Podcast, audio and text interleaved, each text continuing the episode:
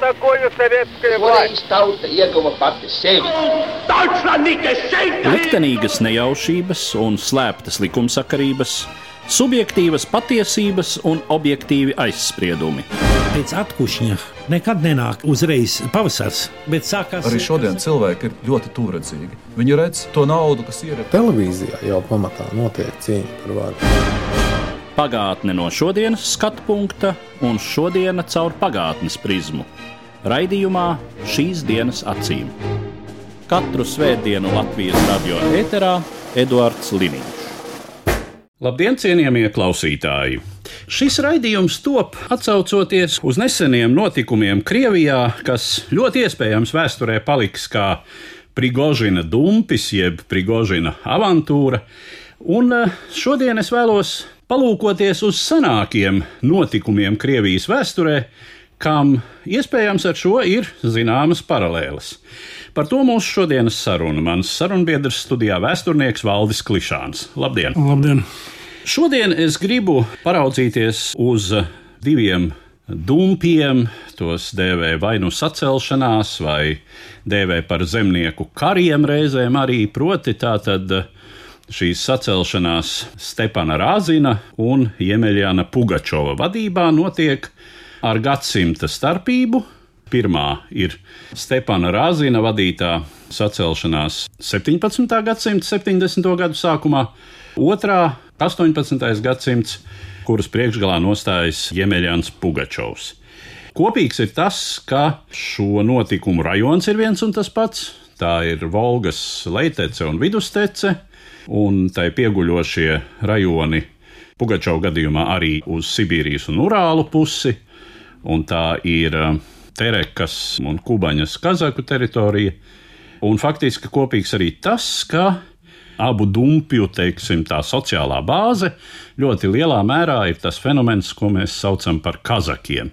Pat ir viena versija, ka Pugačovs un Razins ir dzimuši vienā un tajā pašā Kazaku staņicā, bet iespējams, ka tā ir tikai vēlāku laiku leģenda, jo par Razinu vispār nav īsti skaidrs, kur viņš ir dzimis. Un arī par dzimšanas gadu nu, tas arī tiek tā aptuveni rēķināts. Līdz ar to mums ir jāsāk ar jautājumu, kas tad ir šie kazaki, kas tas ir par sociālu, politisku un arī geogrāfisku fenomenu. Jā, ja drīkst, es ar mazu personisku piemēru gribētu sākt nedaudz ar tādu tā kā, nostalģisku humoru. Tad, kad es tālajā 82. gadā stājos vēstures fakultātē, man tieši biļetes jautājums bija Stepana Razina zemnieku karšumam. Pasniedzēja uzdeva jautājumu, sakiet, tā bija sacelšanās vai tas bija zemnieku karš? Un es teicu, ka tas ir zemnieku karš, jo pēc tā laika vēstures koncepcijas sacelšanās bija īslaicīgs kaut kāds tāds spontāns notikums, bet zemnieku karš aptver lielu teritoriju. Viņš ir ilglaicīgs, un viena no zemnieku kara tādām pazīmēm ir, ka zemnieki izvirza kaut kādas savas politiskās prasības. Un es toreiz nesapratu, es teicu, zemnieku karš, tiku vēstures fakultātē, un te nu es sēžu tagad. Bet tagad pāriesim varbūt tiešām pie šī jautājuma par kazakiem. Jo pēc būtības Tas pat nav sacelšanās tādās burtiskā nozīmē. Gan Razina, gan Pugačova kari tie nav nemaz zemnieku kari. Tie ir arī zemnieku kari, bet tie galvenokārt nav zemnieku kari. Tātad mums jāsāk, lai mēs šo jautājumu saprastu, apskatīt, kas tad ir kazaki. Un tas ir diezgan unikāls vēstures fenomens Ukrainas, Krievijas un ne tikai arī citu valstu vēsturē, kas galvenokārt ir ap Melnās un Kaspijas jūras reģionu un arī sniedzās tālāk Sibīrijā. Tas ir fenomens, kura sākumi acīm redzot ir meklējami jau kaut kad 14. gadsimtā. Tā laika austrumu Eiropa dalās divās daļās. Ir stepe, kurā dzīvo dažādas klejotāju tautas, azijātiskas cilmes, kas vairumā runā ķurku valodās. Un ir meža zona, kur dzīvo slāvu un somu grori un baltu zemkopji. Un tad sākot ar 15. gadsimtu, kad sairst politiskais veidojums, ko mēs saucam par zelta ordu, viņš sadalās atsevišķās hanistēs un sākas pakāpeniskā Maskavas lielkņazistes izplešanās. Un ne tikai, arī Lietuvas valsts izplešanās dienvidu virzienā, acīm redzot, notiek diezgan stihisks process, ka galvenokārt slāvu cilmes zemnieki bēgļi, visādu juku laiku un iekšēju karu upuri, kas meklē mierīgākus dzīves apstākļus vai meklē jaunas zemes, sāk lēnām iziet no mežiem un sāk ierīkot savas apmetnes stepju zonā. Tātad gan ap Dņepras upes baseinu, kur 16. gadsimtā jau ir izveidojusies tā saucamā aizkrāces, jeb zaporožijas siča. Siča nozīmē apmetne, burtiskā nozīmē. Un tie ir tie nākamie Ukraiņas kazaki, jo galvenokārt šie slāvi nāk no tā saucamajiem rusīniem, jeb rutēņiem, tas ir no Lietuvas, Polijas teritorijām. Viņi pilda Tagadējā Baltkrievija un Rietumukraina. Jā, galvenokārt Rietumu Ukraina un Centrālā Ukraina. Viņi pilda arī tā kā tādus robežu apsargātāju pienākumus. Un savukārt no Maskavas valsts zemniecība un bēgļi dodas uz Donas baseinu, uz Volgas baseinu un pēc būtības viņi vairs nav zemnieki ar šo brīdi. Viņi kļūst par uh, militāru kastu. Pie tam, ja viņus tajā laikā kāds nosauktu par zemniekiem, tad es domāju, šis nosaucējs varētu galvu zaudēt par to, jo viņi neieradz zemniekus. Viņi kļūst par tādu militāru kastu. Sabiedrība ļoti tāda primitīva, iekšēji arhaiska, patriarchāla, neatzīst nekādas īpaši augstākas varas. Atamanus ievēl, hetmaņus ievēl. Ļoti daudz ko šī sabiedrība pārņem no iepriekšējiem šīs stepes iedzīvotājiem, no ķurku klejotāju tautām. Īpaši tas attiecās uz materiālās kultūras lietām. Viņi pārņem apģērba, garās ūsas, izcirptās galvas ar garajām šīm matu šķipsnām, līkos zobenus, kavalēristu prasmes un visu pārējo, bet, protams, viņi galvenokārt pēc savas izcelsmes šķiet ir slāvi. Daži vēsturnieki lieto jēdzienu veidojas tāds saudabīgs kazaku subetnos. Un tātad šis kazaku subetnos 16. gadsimtā aptver jau sākot pat no tagadējās Bulgārijas teritorijas, no Donavas lejasteces Dņepras lejasteci un vidusteci, Donas lejasteci, vidusteci, Volgas vidusteci un lejasteci, un 16. Eh, gadsimtā Kazaku vienības arī spiež tālāk Sibīrijas virzienā, aizejot līdz pat tālajiem austrumiem. Līdz ar to izveidojas tāda vesela kazaku pasaule, kas neatzīst kā jau teicu, nekādu augstāku valsts varu, kas iekšēji dzīvo pēc tā, ko vēsturnieki reizēm lieto jēdzienu kara demokrātija. Tā tad veidojas saudabīga kaut kāda viņu ētika, varonības kults, brīvības kults. Es teiktu, tā kaut kur līdzīgi vikingiem. Ja viņi nesmādē laupīt, doties karagājienos. Jāņem vērā, ka šis ir laiks, kad eh, šajās milzīgajās teritorijās ir tāds tā kā varas vakums. Un tad 16. gadsimtā un 17. gadsimtā Maskavas cari slēdz līgumus ar kazakiem. Viņi tiek likti dienestā Maskavijas lielkņazu tobrīd vēl. Līdzīgi dara arī Polijas Lietuvas valdnieki, kas ar Ukraiņas kazakiem, kur arī starp citu radās tā varbūt sākotnēji Ukraiņas valstiskā ideja vispār, slēdz dažādus līgumus. Zaparīžas kazakiem vēl ir tā saucamie reģistra kazaki, kas pat tiek fiksēti valsts dokumentos kā dienesta kazaki. Un tā nu ir izveidojusies šī milzīgā kazaku pasaule, un te nu mēs nonākam laikam pie tā paša būtiskākā jautājuma. Vai kazakus var uzskatīt par Maskavas vēlākās Krievijas valsts pilsoņiem, un vai viņi paši identificēja sevi kā krievi? Un tas ir ārkārtīgi interesants jautājums. Vai kazaki ir iekšējs Krievijas un arī tā skaitā Zečpospoļitas jautājums. Vai tas ir ārējais faktors? Un, nu, droši vien, ka viennozīmīgas atbildes šeit nebūs. Un, ja kazaki kaut kādā mērā tomēr uzskatīja un sevi pašidentificēja, ja bija pašpietiekami kā sociāla, ne etniska, galvenokārt sociāla, tāda militāra grupa, tad ir ļoti grūti teikt, ka šīs bija sacelšanās Krievijā. Nu, formālajā tajā laikā šīs teritorijas augstākā vārā tas suverēns skaitījās šis Maskavas lielkņas. Un vēl viens faktors. Šajās teritorijās taču joprojām mīt citas etniskas grupas kopš daudz senākiem laikiem. Pievalgā Tatāri, Dienvidurālos Baškīri. 17. gadsimtā beidzas kalmiku migrācija no Mongolijas. Tā ir pilnīgi pēdējā Āzijas migrācija, kas notiek jaunajos jau laikos, kas apmetās Kaspijas eh, ziemeļu piekrastē, Volgas lejastecē.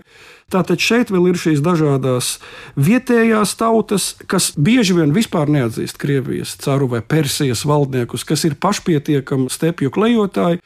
Tātad tāda ļoti raiba ir tobrīd šī tagadējā Dienvidkrievija, kur mīt gan kazaki, kur pilsētās mīt cara ierēģi un, un strēļi, kas ir cara militārās vienības. Stepēs ir kazaku staņicas, ciemi, cietokšņi, un turpat vēl kaut kur arī dzīvo kalmiki, tatāri, baškīri. Nu, tā ir tā vide, kur tad risinās 17. gadsimtā un 18. gadsimtā jau jūsu pieminētie notikumi. Jā, un eh, līdzās, protams, turpat ir eh, joprojām 17. gadsimtā tā ir Krīmas Hana valsts, un tālāk uz dienvidiem ir Persija un arī Osmaņu impērija. Un eh, šīs zemes savukārt Kazakiem ir tāds leģitīms sirojumu, laupīšanas objekts. Viņiem bija tāds teiciens, pēc izzipunami, kas latviešu būtu tulkojams iet pēc kaftāniem vai pēc uh, apģērbiem, jā, kas bija pilnīgi viņu izpratnē legāla cienīga nodarbošanās iet uz austrumiem pret musulmaņiem, kas varēja būt gan persieši, gan azerbaidžāņi, gan tatāri, gan turki. Iet laupīt, tas bija pilnīgi normāli, un viņu tajā ētikas kodeksā tas bija cēls un labs darbs. Jā. Bet, ja trāpījās par rokai arī kāds krievu kupcis Volgas leitecē, tam arī varēja nākties šķirties no savas mantas, preces, naudas un uh, savreiz arī dzīvības. Abos gadījumos, ja mēs runājam gan par Razinu, gan par Pugačovu, abos gadījumos viņi ir zināmās attiecībās arī ar Krievijas valsts varu. Razina gadījumā tā ir tādā formēšanās stadijā, bet ir kāds konflikts ar vietējo cara vojevodu. Šī konflikta rezultātā viņš liek sodīt ar nāvi Razina vecāko brāli, Un šķiet, ka tas ir tas lūzuma punkts, kad Razinā iemājo nepatika pret centrālo valsts varu un šis dumpīguma gars, kas tad galu galā noved pie sekām, lai gan sākumā viņš vairāk vienkārši veido tādu brīvu cilvēku kopību, kura laupa pamatā Persijai piedarošās Kaspijas jūras piekrastes, tagadējo Azerbaidžānu, tagadējo Ziemeļirānu, Turkmēniju Un uh, tas laikam ir arī tas moments, kad viņu pamana centrālā vara Maskavā, jo tiek pamatīgi traucēta tirdzniecība, kas pa Volgu jau tobrīd ir diezgan aktīva, un ko pamana starp citu ne tikai Maskavā, bet arī Eiropā. Un Eiropas pat presa, tolaik jau ir presa 17. gadsimtā, Eiropas presa raksta par razina tiem briesmu darbiem, un tad, kad viņiem ir jāizšķirās par labu vai nu ceram Aleksējam vai Razinam, tad, protams, priekšroka tiek dota legālajai cara varai Maskavā. Aleksējs Mihailovičs, tobrīd Krievijas cars. Tātad šī Krievija, kas ir tajā brīdī, teiksim tā, lielā mērā atgūsi savas pozīcijas reģionā pēc tās katastrofas, kurā to noved uh, Ivana IV. bargā militārā ekspansija, kas beidzas Krievijai ļoti bēdīgi ar juku laikiem, un tad Romāno dinastijas nākšana pie varas. Cārs Aleksējs vai Aleksijas, grūti pateikt, kā ir pareizi. Valda diezgan ilgi un aktīvi, un viņš ļoti enerģisks ir ārpolitikā. Viņš patiešām šķiet mēģina atjaunot Maskavas valsti pēc tiem visiem juku laikiem un visiem viltus Dmitrijiem, un arī diezgan īslaicīgās sava tēva valdīšanas, kas jau bija gana sekmīga. Tās ir militāras akcijas pret Žečpospoļītu, pret Turciju, mēģina veidot diezgan draudzīgas attiecības, lai gan ir arī konflikti ar Persiju. Daudzas reformas viņš veids, neaizmirsīsim, viņš ir Pētera pirmā tēvs. Un eh, Pēters I nesāka tukšā vietā. Tieši tā, tieši tā. Bet Alekseja laikā notiek tomēr viens liels konflikts, un tas ir saistīts ar baznīcas reformām, patriarcha Nikona reformām, kuras sākotnēji inicēja abi, gan Maskavas cars, gan pareizticīgās Maskavas patriarhs. Krievu sabiedrība sašķeļās reliģiski, un reliģiskais moments ir ļoti spēcīgs. Tā ir galvenā cilvēku identitāte, ne tā valstiskā sašķeļas teiksim, oficiālās baznīcas piekritējos un tā saucamajos vecticībniekos, un vecticībnieku vajāšanas sākās un vecticībnieku beigšanas. Starp citu, tas ietekmē arī kazaku sabiedrību, jo ļoti liela daļa kazaku sabiedrības ir vecticībnieki. Ja varbūt tagad es nedaudz par Stepanu Razina personību parunātu, lai gan, protams, ir grūti mums restaurēt eh, cilvēka personību 17. gadsimtā.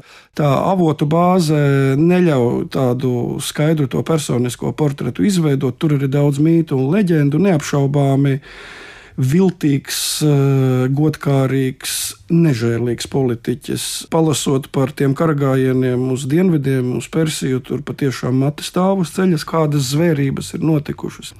Šķiet, viņš ir bijis tīri labs valodu prātais. Neaizmirsīsim, ka viņa māte bija Krimas tatāriete, kas viņam ļāva komunicēt ar tā reģiona daudzām tautām.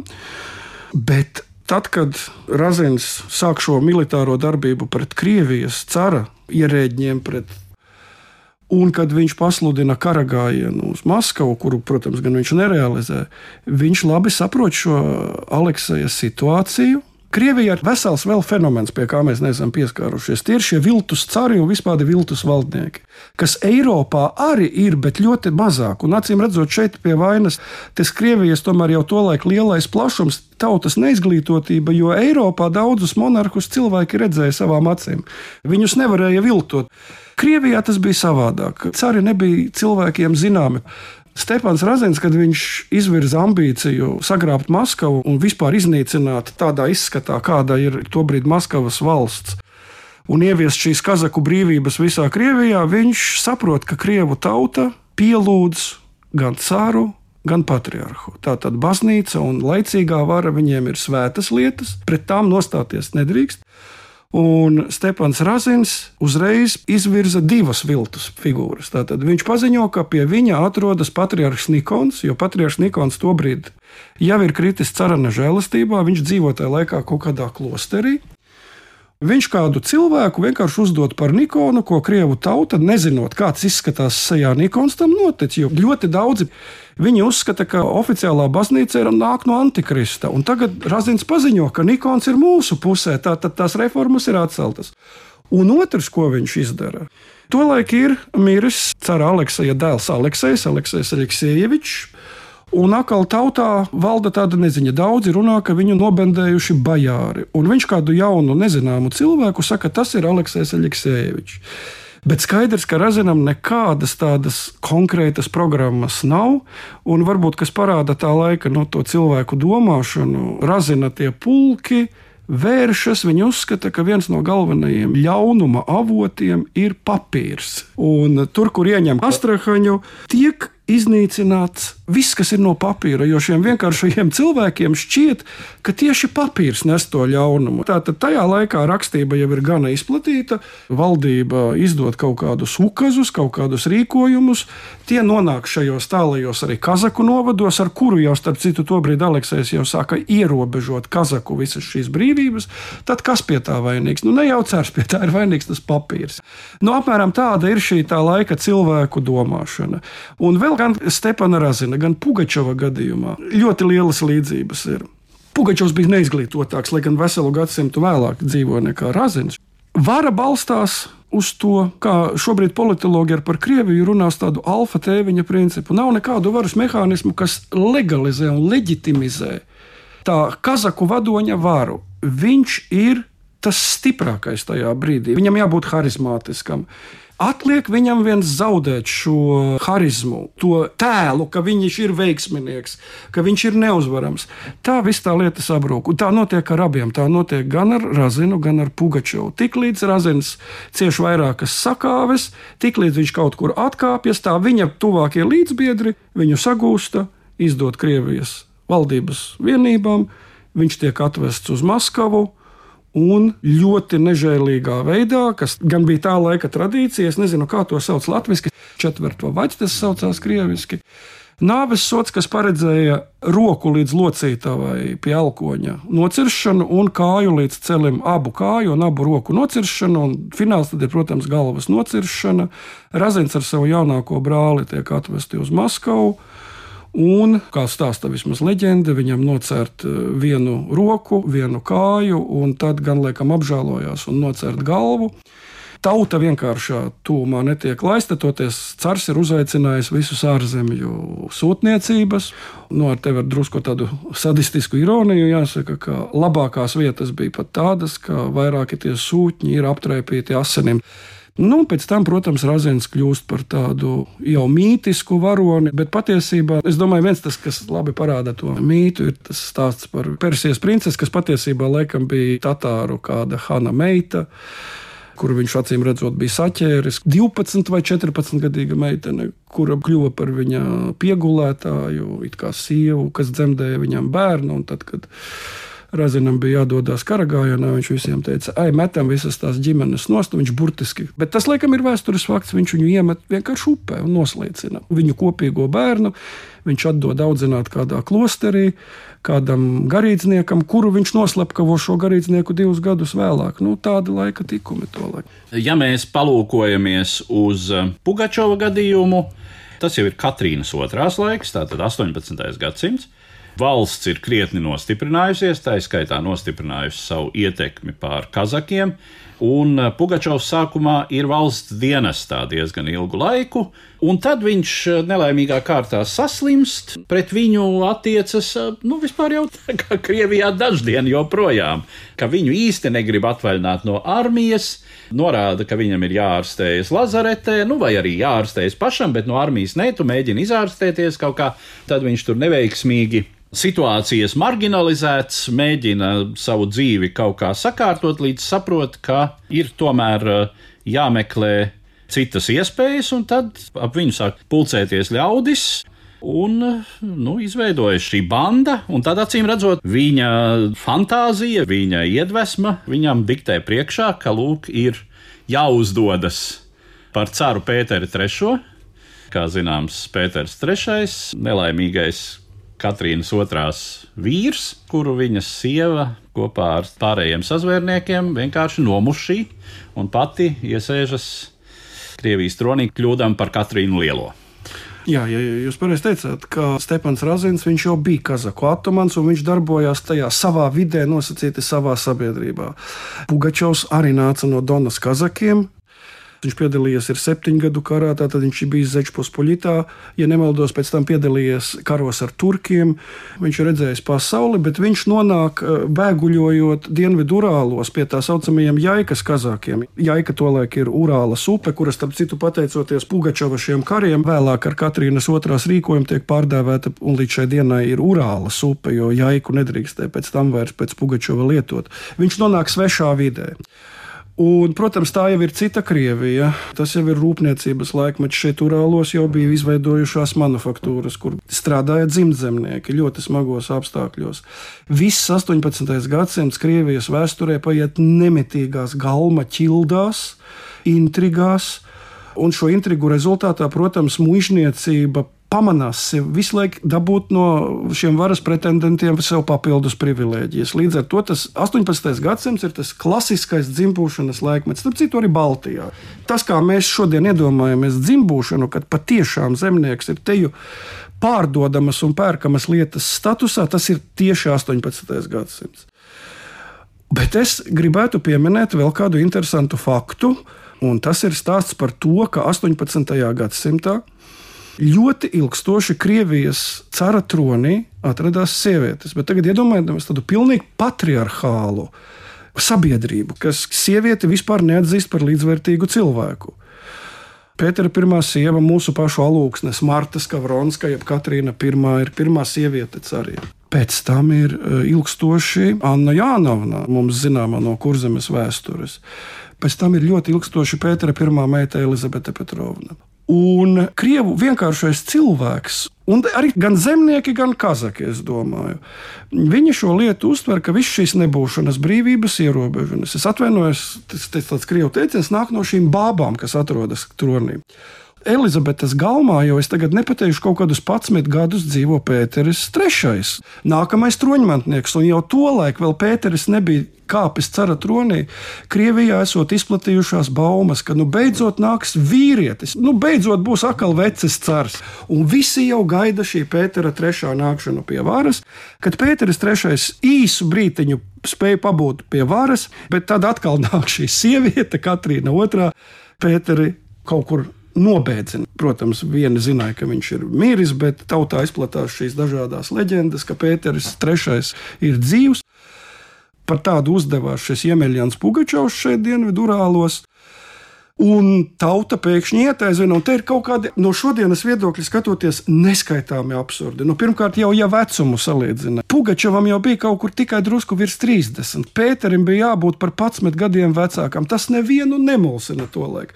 Pugačovs bija analfabēts. Tauta prasa, nu, ja tu esi cārs, tad Kāpēc tu neraksti? Viņš to vilcis kaut kādus ķeburus pats sagudrodams un teica, ka taisot vācu valoda. Viņš nekur neparakstījās, ne uz viena dokumenta, uz jautājumu, kāpēc tu neparakstījies. Viņš teica, es parakstīšos tad, kad mēs ieņemsim Maskavu, jo man bail, ka manu parakstu var viltot. Protams, kas parāda, ka Pugačovs bija ārkārtīgi attapīgs, teiksim, kreatīvs cilvēks. Nu, labi, es saprotu, vienkāršais tas krievu mūžiks vai neizglītotais Donas vai Jaikas Kazaks. Nu, viņi tam varēja ticēt, bet nu, tomēr aiz Pugačova jau gāja arī zināma daļa izglītotu cilvēku. Un daudzi viņu atzina par Pēteri III vienkārši, jo citas iespējas nebija. Tu no tās sistēmas netiec ārā, ja tas bija aptvēris visu šo milzīgo apgabalu. Abiem vadoņiem arī taktika kaut kur līdzīga. Ja Stepans Razins biedrojās ar kalmikiem, tatāriem, tad Pugačovs slēdza savienību ar baškīriem, arī ar kalmikiem, ar tatāriem. Tātad aiz viņa gāja šīs vietējās etniskās tautas, kas nav ne kazaki, ne krievi. Drusku mitoloģizēta persona, ko noteikti daudzi cilvēki ir dzirdējuši, Salavats Julājovs, kas bija viens no baškīru vadoņiem. Un tiklīdz viņi zaudē, es lietoju tādu drusku nevēsturisku jēdzienu, alfa tēviņa, šī barveža neuzvaramā auru, tā momentā tā vara sabrūk. Un tad daudzi vēlāk teica, jā, mēs taču sapratām, ka viņš ir viltvārdis, bet mēs neko nevarējām izdarīt. Un es domāju, ka tagadējā Krievijā tas var notikt gan pēc mēneša, gan pēc pieciem gadiem. Es domāju, būs ļoti līdzīga situācija. Mēs jau sapratām, bet mums nebija citas iespējas. Nu, tā arī beidzās Pugačova dumpis, bet eh, nu, man liekas, ka arī kaut kādā ziņā līdzības ir ar abu vadoņu to nāves sodu. Arī Pugačovam piespriež saceršanu, nocērtot rokas un kājas un galvu. Bet Bende izdara nepiedodamu kļūdu. Viņš sāk ar galvu, ļaudams Pugačovam nemocīties. Un pēc tam pats Bende cieš, un tad Bende atklāja pats jau nonākdams dzīvības briesmu situācijā, Bende atzīstas, ka tas ir bijis slepens Katrīnas otrās rīkojums, sākt ar galvas nociršanu. Gan Razina gadījumā, gan Pugačeva gadījumā ķermeņa daļas tiek izliktas Maskavā ļaužu apskatēji. Tagad es drusku piemirsu vai nu Pugačevam vai Razinam. Arī tiek, es atvainojos, izlaistas zarnas, kuras demonstratīvi baro Maskavas suņiem. Nu, Tāda tobrīd ir Krievijas valsts. Mums ir jānoslēdz mūsu saruna, un varbūt atzīmējot tikai dažas interesantas paralēles ar to, ar ko es sāku, ar eh, dumpošanos mūsdienu Krievijā. Vladimirs Putins. Vai viņu jau pilnībā aizstāja dubultnieki, vai dubultnieki viņu aizstāja dažās situācijās? Ir šis galvenā varas nesēja nenoteiktības, daļēji atpazīstamības, neatpazīstamības fenomens, kas zināmā mērā sasaucas ar šo Krievijas viltvāržu, pseido-caru. Es atceros, un Prigožins paziņoja nesen, es jau negāju pret Putinu. Nu, tieši tas pats, kas Rāzins. Es gāju attīrīt Krieviju no, no ļaunajiem, no, no nodevējiem. No sliktajiem bajāriem un vojvodām.